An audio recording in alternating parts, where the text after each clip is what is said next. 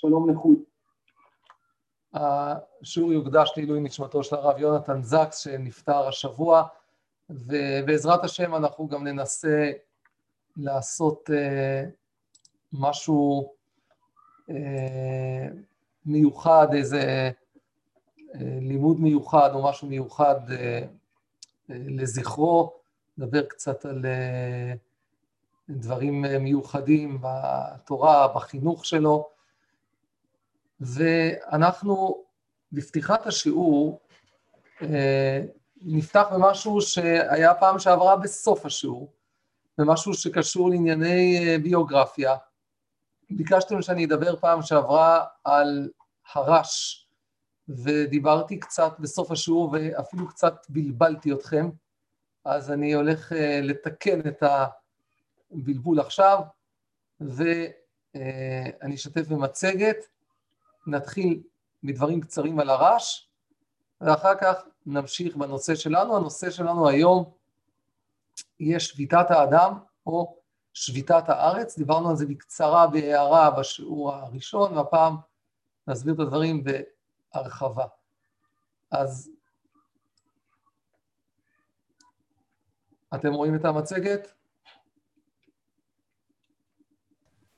כן, רואים הרב. טוב. קראתי לזה הרש והרש, אז אנחנו עכשיו נגיד את הדברים בצורה מסודרת, כי באמת פעם שעברה הייתה, היה בלבול בנושא, ומדי פעם נזכיר ביוגרפיות של דמויות מרכזיות בפוסקים בענייני שמיטה. יש לנו את הרש הראשון, שזה רבי שמשון ורבי אברהם משאנץ. הרש משאנץ הוא היה מבעלי התוספות, וממש אה, מרכזי מאוד מבעלי התוספות, תכף נבין קצת יותר, אבל מאוד מרכזי ומשמעותי וחשוב מבעלי התוספות, ויחסית מהראשונים שלהם הוא תלמיד של רי הזקן, תלמיד של רבינו תם, והיו רדיפות בצרפת, אנחנו מדברים עכשיו, הוא נולד בד' תתק"י 1150 למניינם, שזה יחסית אה, חלק הראשון יותר של תקופת הראשונים, והיו רדיפות בצרפת והוא ברח, עלה ברח, בזמן הרדיפות לארץ ישראל יחד עם שיירה גדולה שעלתה לארץ עם מאות רבנים, הוא הלך לעכו, בסוף הוא התיישב בירושלים. זה הרש משאנץ. ויש לנו מאוחר יותר, מאות שנים אחר כך, אה, ממש במעבר בין תקופת הראשונים לאחרונים, את רבי שלמה סירילאו,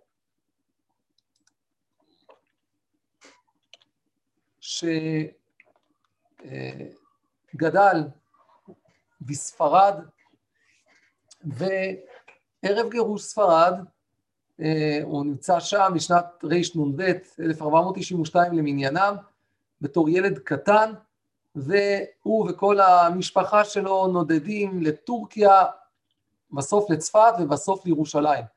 אז המשותף לשניהם, ששניהם זה הרש, בדרך כלל כשאומרים הרש מתכוונים הרש משאנץ. כאן יגידו הרש סירילאו, שניהם גדלו בגלות ושניהם סיימו בירושלים. אז זה קודם כל קצת בביוגרפיה. עכשיו, מבחינת הספרים שהם כתבו, אז הרש משאנץ, בואו נעבור לשקופית הבאה, הרש משאנץ, קודם כל, כמעט כל התוספות שיש לנו היום על, על הגמרא, נערך בבית מדרשו של הרש משאנץ. הוא מאוד מרכזי מבעלי התוספות, וחוץ מזה יש עוד תוספות שלא נכנסו לתלמוד שנקראים תוספות שאנץ. והוא כתב פירוש חשוב על המשנה, על מסכת, על סדר זרעים וטהרות, כשאין על זה תלמוד בבלי. כלומר, אותן מסכתות שאין עליהן תלמוד בבלי וזרעים וטהרות, הוא כתב את הפירוש של המשנה. אם אתם תפתחו את המשנה בבית, לא תמצאו את הרש. לא תמצאו. גם אם יש לכם משנה עם הרבה פרשנים, בדרך כלל לא תמצאו. איפה תמצאו אותו? אז לכן צילמתי לכם כאן את הדף. מי שמזהה רואה שמאיפה זה לקוח? ירושלמי. ירושלמי. לא, לא, מהגמרא. משניות שבגמרא. נכון. במסכת ברכות בתלמוד בבלי וש"ס וילנה, מאחורה יש משניות של זרעים. אז את הרש תמצאו שם. אם אתם רוצים לחפש את הרש, בסוף מסכת ברכות, תפתחו מאחורה, ושם תראו את הרש על זרעים. אתם רואים כאן פירוש המשניות לרמב"ם, ואת הרש. זה הרש משאנץ.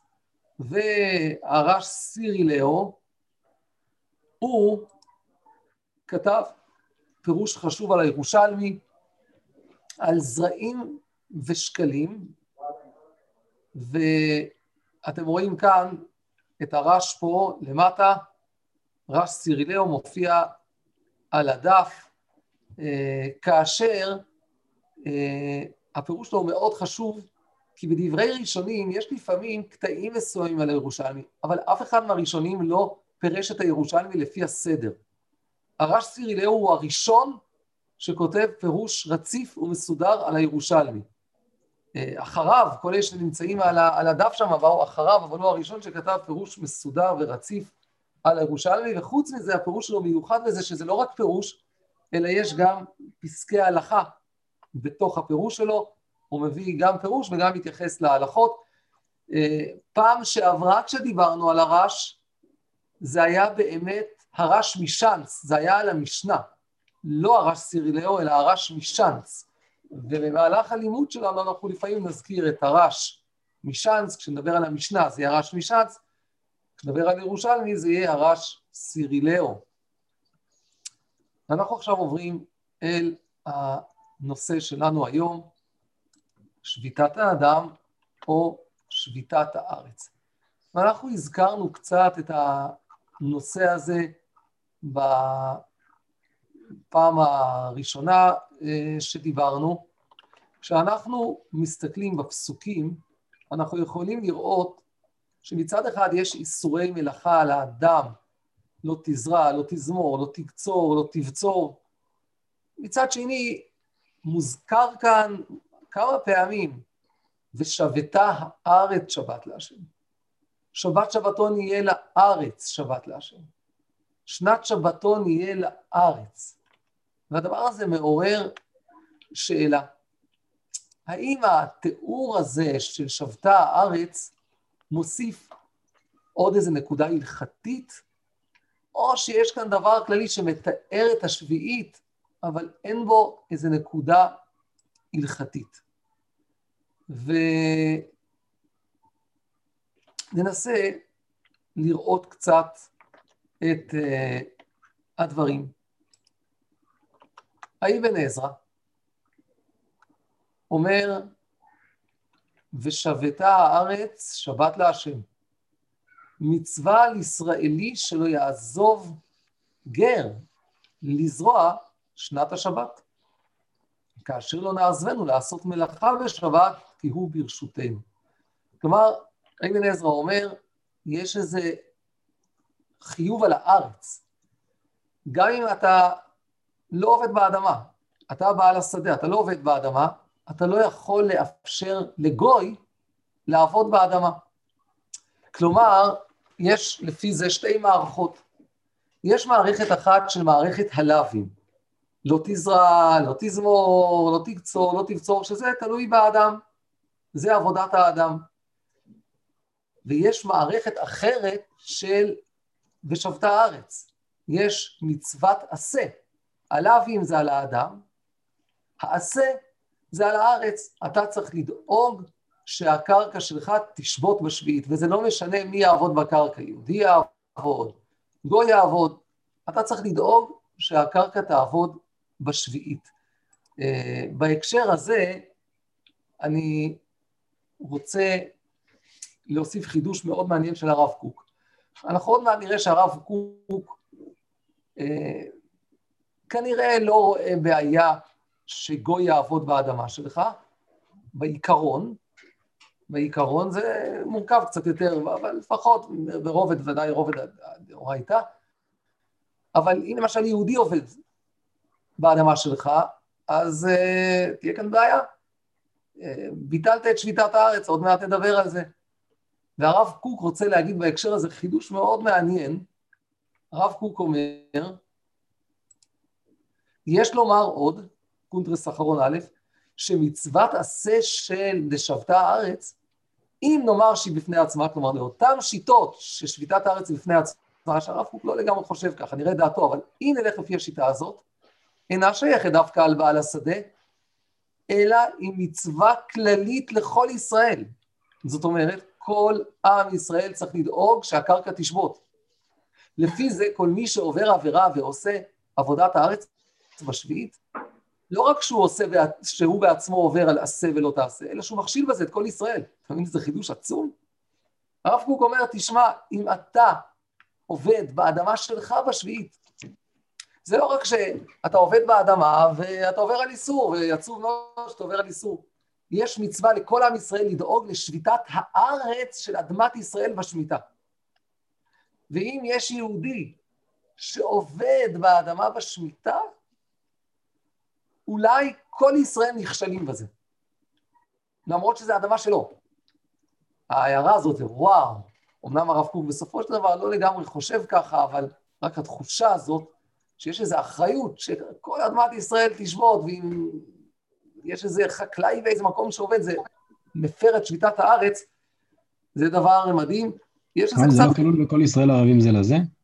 כן, אבל כל ישראל ערבים זה לזה, זה בדרך כלל אתה אומר שאם הוא עובר איזה עבירה, זה קצת משפיע עליך, קצת נוגע עליך כאן, כאילו זה לא קשור לכל ישראל ערבים, אלא הקרקע של עם ישראל צריכה לשבות, אתה מבין? זה כאילו עוד איזה עניין. יש לנו כאילו אחריות על הקרקע בארץ ישראל שתשבות. והיא צריכה לשבות, וברגע שמפירים את שביתת הארץ, זה כאילו איזו בעיה שלנו. זה אפילו קצת יותר מכל ישראל ערבים. זה לא שאתה עובר על איסור, ומה שאתה עובר זה גם פוגע בי. הקרקע שלי ושלך זה אותו דבר, זה לא שאתה בא לבית בכלל. זה קצת מסביר אולי את עניין הקללות, שבקללות התורה אומרת שאחת הסיבות לגלות זה אז תרצה הארץ את שבתותיה. יש איזה משהו של שביתת הארץ, שזה קשור לכלל ישראל, וגם אולי הגלות בסופו של דבר אה, באה בגלל שביתת הארץ. אה, זה אה, בכל אופן הכיוון של אה, אולי אבן עזרא, אולי בפסוקים, או צד אחד של העניין. הדבר הזה גם נראה מהגמרא בעבודה זרה. הגמרא זרה ט"ו עמוד ב', אני לא נכנס שם לכל הסוגיה, אבל הגמרא אומרת שאדם מצווה על שביתת שדהו בשביעית. יש מקום לדון בגמרא שם, זה לא הכרחי בגמרא, לא הכרחי, אבל אה, מלשון הגמרא נראה שיש איזה ציווי על שביתת השדה, על שביתת הארץ. כאילו הניסוח כאן שבשבת אתה מצווה על שביתת הבהמה, ובשביעית אתה מצווה על שביתת הארץ. אז הניסוח כאן גם נראה כצד של שביתת הארץ. אה,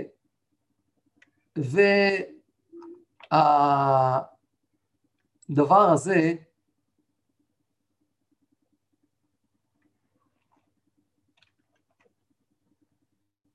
גם מובא במנחת חינוך, קי"ב, ובשמיטה אם עושה את עבודה, עבודת הארץ, כגון שחורש שדה או זורע או קוצר על ידי גוי.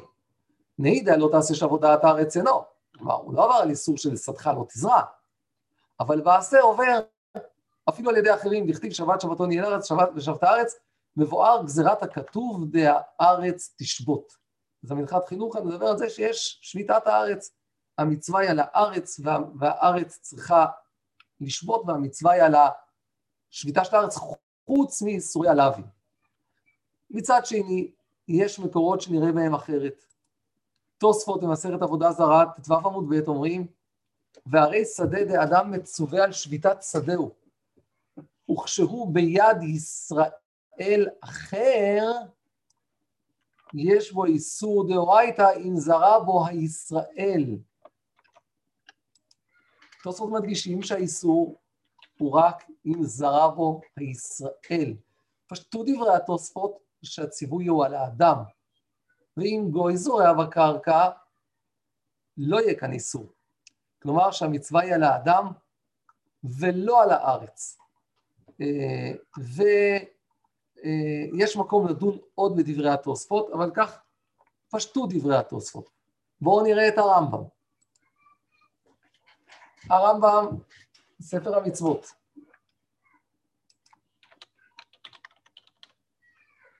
עשה קל"ה אומר שציוונו לשבות מעבודת הארץ בשנה השביעית.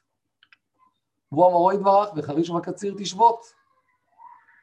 אז הרב קוק מדבר, הרמב"ם מדבר כאן על ציוונו לשבות מעבודת הארץ, ציוונו לשבות מעבודת הארץ, אה, וכוונך לציווי פעמיים, שבת שבתו לארץ וכולי.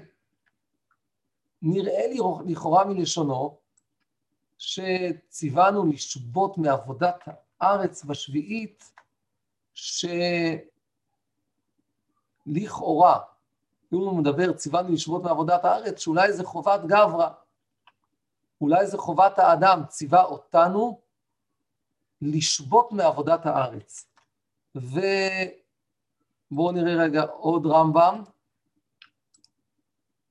הרב? כן. יכול בבקשה להסביר רגע את ההבדל בין אה, העניין של השדה לבין השביתה של הארץ? מה... יש אפשרות אחת להבין שהאיסור על האדם. אתה לא תזרע, אתה לא תזמור, אבל אם גוי זורע בקרקע שלך, לא עברת על איסור. Okay. אוקיי. יש אפשרות אחרת להבין שיש לך מצווה לדאוג שהקרקע שלך תשבות, שהקרקע שלך תנוח. וגם אם גוי יזרע בקרקע שלך, אתה תבטל מצוות עשה של ושבת הארץ שבת להשם. שוב, לא, לא הבנתי. כלומר, לפי ההבנה הראשונה, נכתוב את זה רגע.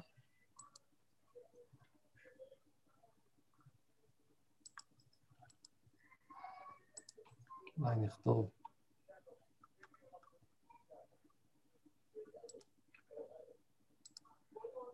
נכתוב את זה כאן.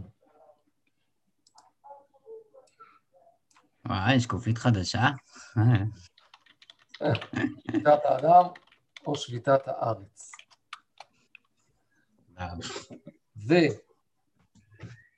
ובדבר הזה אמרנו שאפשר להבין בשתי צורות. ניתן להבין שכל איסורי שביעית הם על האדם. איסורי גברא. אבל אם גוי זרע בשדהו של יהודי, הרי שהיהודי לא עובר על איסור. תוספות כותב איסור דאורייתא, שמא יש איסור דרבנן? אז זה יש מקום לדון עוד.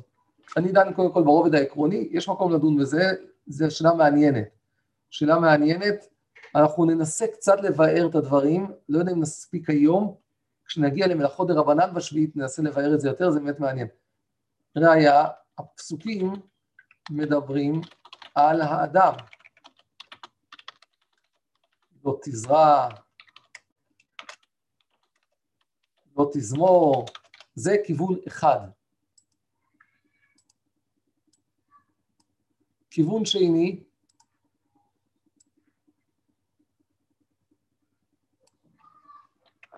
יש שתי מערכות של מצוות בשביעית. א', איסורי להבים, כלומר לא תזרע, לא תזמור, הם על האדם. ב', שביתת הארץ. שבתה הארץ, זו מצוות עשה שצריך לדאוג שהאדמה שלו תשבות. ולכן, אפילו אם גוי יעבוד באדמה שלו, יבטל היהודי מצוות עשה של שביתת הארץ. ואם אני אומר שזה שביתה על האדם, אז אה, שביתת הארץ איננה ציווי הלכתי. היא לא ציווי הלכתי ושבתה הארץ, אלא מבטאת את רעיון השמיטה. בוא נאמר כך, אה, יש מקום להסביר את זה גם אחרת, אבל לא נכנס לעכשיו, אולי עוד מעט נסביר קצת אחרת. אולי אחרי זה נס, אה, אה, נבין את זה. אלה שתי ההבנות, האם מדובר על שביתת האדם או על שביתת הארץ. עכשיו זה ברור? ממש, הרב, תודה רבה. יופי. הרב, מה עם גוי שעובד, עם יהודי שעובד בקרקע של גוי? יהודי שעובד בקרקע של גוי זאת שאלה מאוד מעניינת, ובאמת, מה שאתה אומר עכשיו זה הרי הבסיס להיתר מכירה. אנחנו צריכים להבין את הדברים האלה, ואנחנו בעזרת השם עוד נדבר על זה. לא עכשיו, אבל בהחלט זו שאלה מאוד מאוד מעניינת שצריך להתעסק בה. ועכשיו אני עובר אל הרמב"ם. אז הרמב"ם כתב שציוונו, הדגשתי דווקא את הנקודה הזאת, לשבות מעבודת הארץ. זה כאילו נראה שהאדם צריך לשבות מעבודת הארץ. הרמב"ם כותב גם כאן מצוות עשה לשבות מעבודת הארץ, וכל העושה מלאכה מעבודת הארץ. אבל למרות הדברים האלה, הרמב"ם ברמזים לפני ההלכות. הרמב"ם אומר שתשבות הארץ. כן, כאן הוא דיבר על שציוונו לשבות. אנחנו צריכים לשבות ולא לעשות את עבודות הארץ. אנחנו צריכים לא לזרוע ולא לקצור, אנחנו צריכים. לעומת זאת ברמזים הרמב"ם כותב שתשבות הארץ בשביעית ממלאכתה.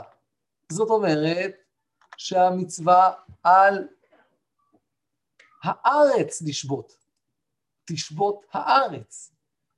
ואיך אנחנו מסבירים את דברי הרמב"ם האלה? האם השביתה היא על הארץ, כמו שנראה כאן ברמזים? אתם יודעים, לפני כל אה, פרק הרמב"ם כותב כותרות כאלה, רמזים, ששם נראה שהשביתה היא על הארץ, או שהשביתה היא על האדם, כמו שאנחנו רואים בתוך ההלכות, כשהרמב"ם מדבר בתוך ההלכות של השביעית, בגוף ההלכות, הלכות שמיטה ויובל בספר המצוות, אז הרמב"ם מדבר עלינו, וכל העושה מלאכה מעבודת הארץ, לשבות מעבודת הארץ, אז, אז לא ברור.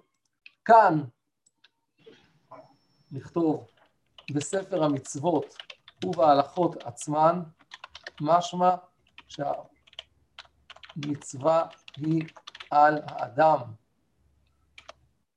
וכאן ברמזים, בכותרת, ברמזים משמע שהשביתה היא על הארץ, שתשבות הארץ. אז זה הדבר שאנחנו צריכים להסביר. זה. הטעם הדקרא. מה זה? התורה אמרה, התורה רצתה שהארץ תשבות, ולכן היא ציוותה לאדם שלא יעשה מלאכה. אז זאת בדיוק השאלה, וזה מאוד מעניין מה שאתה אומר. כלומר, למעשה אתה אומר, השאלה היא באמת האם תהיה בעיה כשגוי יעשה, לפי ההסבר שלך. תהיה בעיה או לא תהיה בעיה? לא תהיה בעיה. אוקיי, אז הרב, אולי אתה מתכוון למה שהרב קוק מיישב. הרב קוק אומר כך, אולי אני לא אקרא אותו בפנים, כדי שנספיק קצת, אנחנו תכף צריכים לסיים. הרב קוק אומר, תראו, מבחינה מעשית הציווי הוא על האדם. המצווה היא בגברא. המצווה היא על האדם, האדם אסור לו לעשות מלאכות בקרקע. אם גוי עושה מלאכה בקרקע, הוא לא יעבור על איסור. אבל מבחינה מהותית, מה המטרה, מה הרעיון הכללי? הרעיון הוא שביתת הקרקע. לכן, כשאדם עובד באדמה, הוא עובר קודם כל מבחינה מעשית על הלאווים, מבחינת מעשית הוא עובר על לא תזרע ולא תזמור וכולי, אבל מצד צורת העבירה, הבעיה היא לא רק שהוא עובד את הארץ, אלא גם שהארץ לא שובתת. זאת אומרת, הבעיה היא לאדם. אבל כשאדם עושה איסור, הבעיה היא גם כשהוא עבר על איסור של זריעה, וגם שהוא ביטל את שביתת הארץ. ולכן בפירוט, אה, בכותרת הכללית, הרמב"ם כתב, באמת, על פי האמת, הרעיון הוא שביתת הארץ. ולכן ברמזים הוא דיבר על שתשבות הארץ ממלאכתה. לעומת זאת, כשהוא אומר הלכה למעשה מה לעשות, אין משמעות לזה שהארץ צריכה לשבות. אתה צריך לא לעבוד, כלומר האיסור הוא על האדם. אתה צריך לדאוג לא לעבוד, אבל אם אתה תעבוד, תבין שחוץ מזה שעברת על איסור זריעה, אתה גם ביטלת את, מבחינה מהותית, את שביתת הקרקע. אין עניין על הקרקע, המצווה היא רק עליך. בואו נקטין את זה טיפה ונכתוב כאן בצד פשוט, שזה יעזור.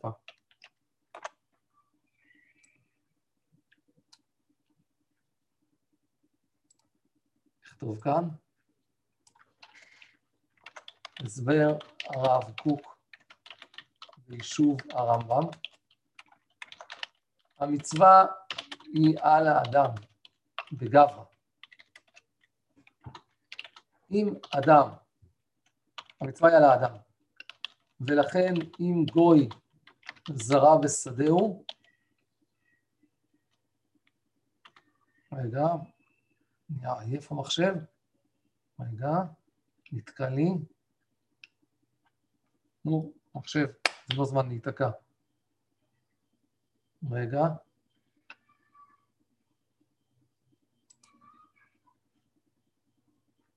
שנייה קפץ לזה, נכון? הוא לא, הוא לא איתכם עכשיו? נשתף אותו. מה זה הדבר הזה? שנייה. בדיוק בשנייה לפני הסוף הוא קופץ לו. הנה.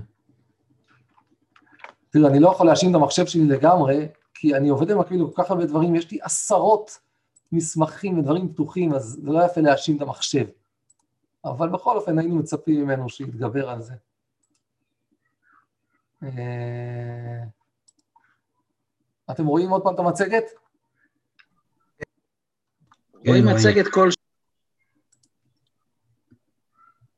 רגע. הרב קוק, איי איי איי, לא הספקתי אפילו לשמור את זה טוב.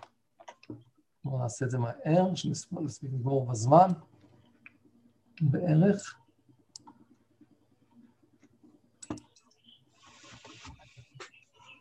אה,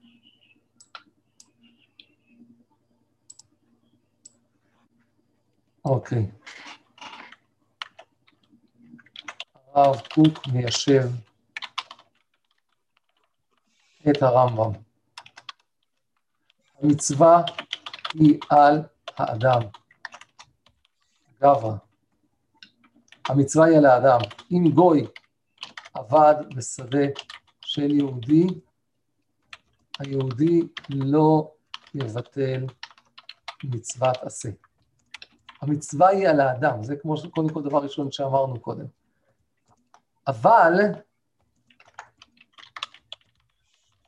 מבחינה מהותית, האדם צריך לדאוג שלא לפגוע בשביתת הארץ. זאת אומרת, אה, נקרא ככה, המטרה של האיסור על האדם היא לשמור על שביתת הארץ. לפי זה, האיסור הוא רק בלאווים על האדם, אבל כאשר אדם עובר על הלאו, הוא גם פוגע בשביתת הארץ. זאת אומרת, אין מצווה על הארץ. גוי יעשה זה לא בעיה, המצווה היא עליך.